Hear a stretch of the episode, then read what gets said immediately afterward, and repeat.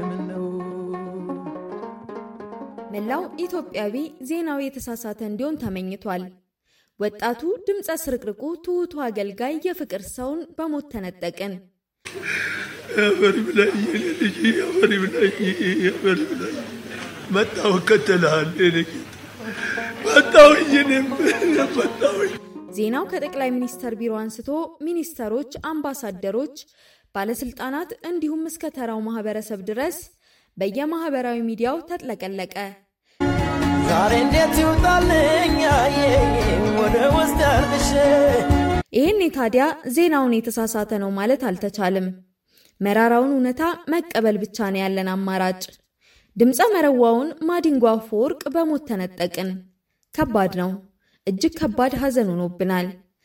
በሚያስቀና ፍቅር ብዙ ዓመት ቆየን ወድዬ ብዙ ቆየ ከትናንት ወዲያ በናይት ክለብ ውስጥ በጥሩ አቅም ሲያቀነቅን ነበር። ትናንት ደግሞ ለሰርግ አጃቢነት ተዘጋጅቶ ነበር። ነገር ግን በድንገት ባጋጠመው ሕመም ምክንያት ጠዋት አንድ ሰዓት ተኩል አካባቢ ለዶክተሩ ደውሎ እያመመው እንደሆነ ከነገረው በኋላ ለሚኩራ በሚገኝ የግል ክሊኒክ ገብቶ ታክሞ ማስታገሻ መድኃኒት ወስዷል። ጨክኜ ስሸኝሽ ጨክነሽ እንጂ አንቺዬ ጨክነሽ ከዛም ወደ ረፋድ 3 ሰዓት አካባቢ መስከረም 17 ቀን 2015 ዓ.ም ከዚች ዓለም በሞት ተለየ።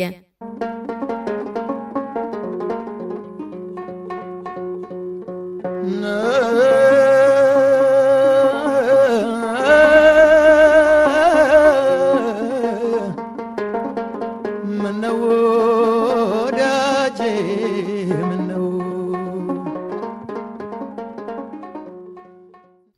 አስከሬኑም በምርመራ ላይ ሲሆን ምርመራውም እንዳለቀ የሞቱን ምክንያት ፖሊስ እንደሚያሳውቅ ገልጿል። አሁን ላይ እየተናፈሰ እንዳለው አሉባልታ ብዙ የጤና ባለሙያዎች አልታሰሩም። እስካሁን ባለው መረጃ አንድ የጤና ባለሙያ ቃሉን እንዲሰጥ ተደርጓል። ከዛ ያለፈ እርምጃ የአስከሬን ውጤት ሳይመጣ እንደማይወሰድ ፖሊስ አሳውቋል። ከተለያየን ምን አደርጋለሁ እችለዋለሁ አብረን ባለን ጊዜ ማዲንጎ አፈወርቅ የተወለደው በጎንደር ክፍለ ሀገር አዘዞ ወረዳ በሰባተኛ ክፍለ ጦር ካምፕ ውስጥ ሲሆን በሶስት ዓመቱ ነበረ ከካምፑም ከጎንደርም ወጥቶ ወደ ደብረ ታቦር ከተማ የገባው። እስከ 11 ዓመቱም እዛው ደብረ ታቦር ቆየ። ታዲያ በዛን ጊዜ ቆይታው ሕይወቱንም ነፍሱንም የገዛችውን የሙዚቃ ፍቅርን የተዋወቀው በስምንት ዓመቱ ደብረ ታቦርን ወክሎ በሙዚቃ ጎንደር ድረስ ሄዶ ሲወዳደር ነው።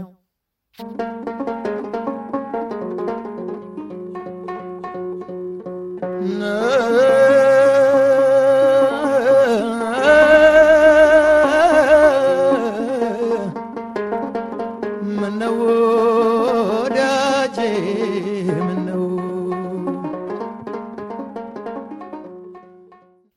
ማዲንጎ በቀበሌ ኪነት ቡድን ታቅፎ ከዚያም በመቀጠልም በደብረ ታቦር አውራጃ ኪነት ቡድን ውስጥ ገብቶ ብዙ ልምዶችን ካዳበረ በኋላ ተመልሶ ወደ አራተኛ ክፍለ ጦር ገባ። በዚያም ቆይታው እንደነ ፍቅር አዲስ ነጋ ጥበብ ካሉ ትላልቅ አንጋፋ አቀንቃኞች ጋር እድል አገናኘችው። ከዚያም በኋላ ለሙዚቃ ያለው ፍቅር ተወልዶ ካደገባት ሀገር አስኮብልሎ ወደ አዲስ አበባ መጣው።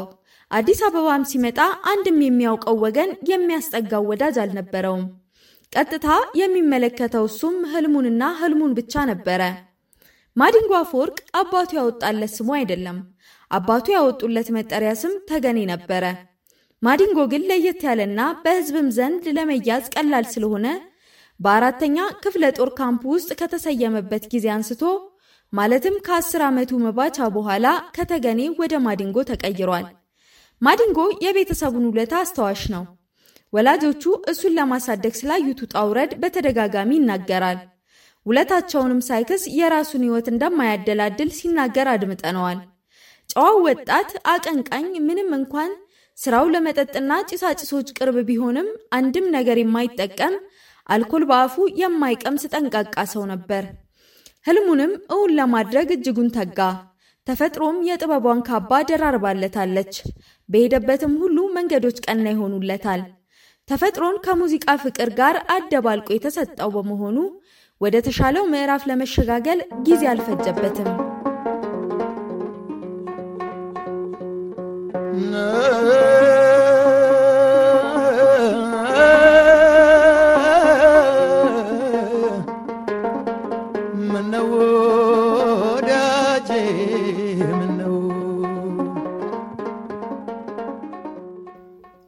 አቀንቃኝ አንድ ህልም አለው። ህልሙም የራስን አልበም መልቀቅ ነው። ማዲንጎም ህልሙን እውን ለማድረግ ያለ እረፍት በመትጋቱና ከዜማ ደራሲው ዘላለም መኩሪያ ጋር በመገናኘቱ በ1987 ስያሜ ያጣሁላትን የመጀመሪያ አልበሙን መልቀቅ ችሏል።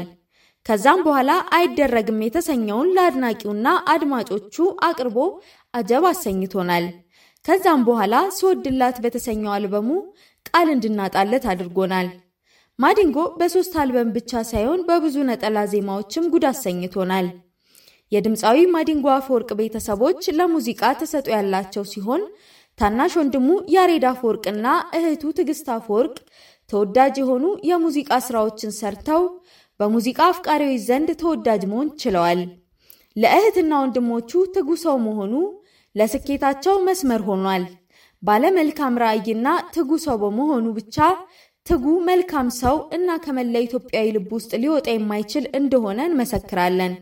ማዲንጎ በብዙ የበጎ አድራጎት ስራዎችም ይታወቃል። ለስፖርት በተለይም ለአትሌቲክስ ልዩ ፍቅር አለው። የአንድ የሴት ልጅም አባት ነው። አብዛኛው ሰው ማዲንጎን ቀርቦ ለሚያውቀው ዜናው ትልቅ ዱብዳ ነው። ኢትዮጵያ በዚህ ወቅት ልታጠው የማይገባው ሰው ነበረ። የድምፃዊው ህልፈተ ህይወት እንደተሰማ በሰዓታት ውስጥ ጠቅላይ ሚኒስተር ዶክተር አብይ አህመድ በድምፃዊ ማዲንጎ አፈወርቅ ህልፈት ሐዘናቸውን የገለጹ ሲሆን በማህበራዊ ገጻቸው ባሳለፉት ጽሑፍም አርቲስት ማዲንጎ አፈወርቅ በማረፉ የተሰማኝ ሐዘን ከባድ ነው ብለዋል። ለሀገሩ በአጭር ዕድሜውም ቢሆን ብዙ የሰራ ከያኒ ነው። ሀገር በተደፈረችበት ጊዜ ህመሙን እየቻለ ግንባር ድረስ ተገኝቶ ሰራዊቱን አጀግኗል። ሰልጣኞችንም አበርትቷል። ነፍሱ በሰላም ትረፍ ብለዋል።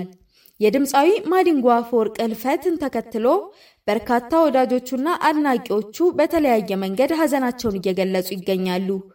ማዲንጎ ካለው አስተዋይነትና አርቆ አሳቢነት አንጻር መኖሩ የሚያጓጓ ተፈላጊና ተወዳጅ አቀንቃኝ በመሆኑ መላውን የኢትዮጵያ ሕዝብ ከባድ ሐዘን ውስጥ አስገብቷል። በማዲንጎ አፈወርቅ ህልፈተ ህይወት ልባችሁ ለተሰበረ ከባድ ሐዘን ውስጥ ለገባችሁ ጓደኞቹ፣ ቤተሰቦቹና መላው ኢትዮጵያውያን ፈጣሪ መጽናናትን ያድለን እንላለን። ቸር ሰንብቱ።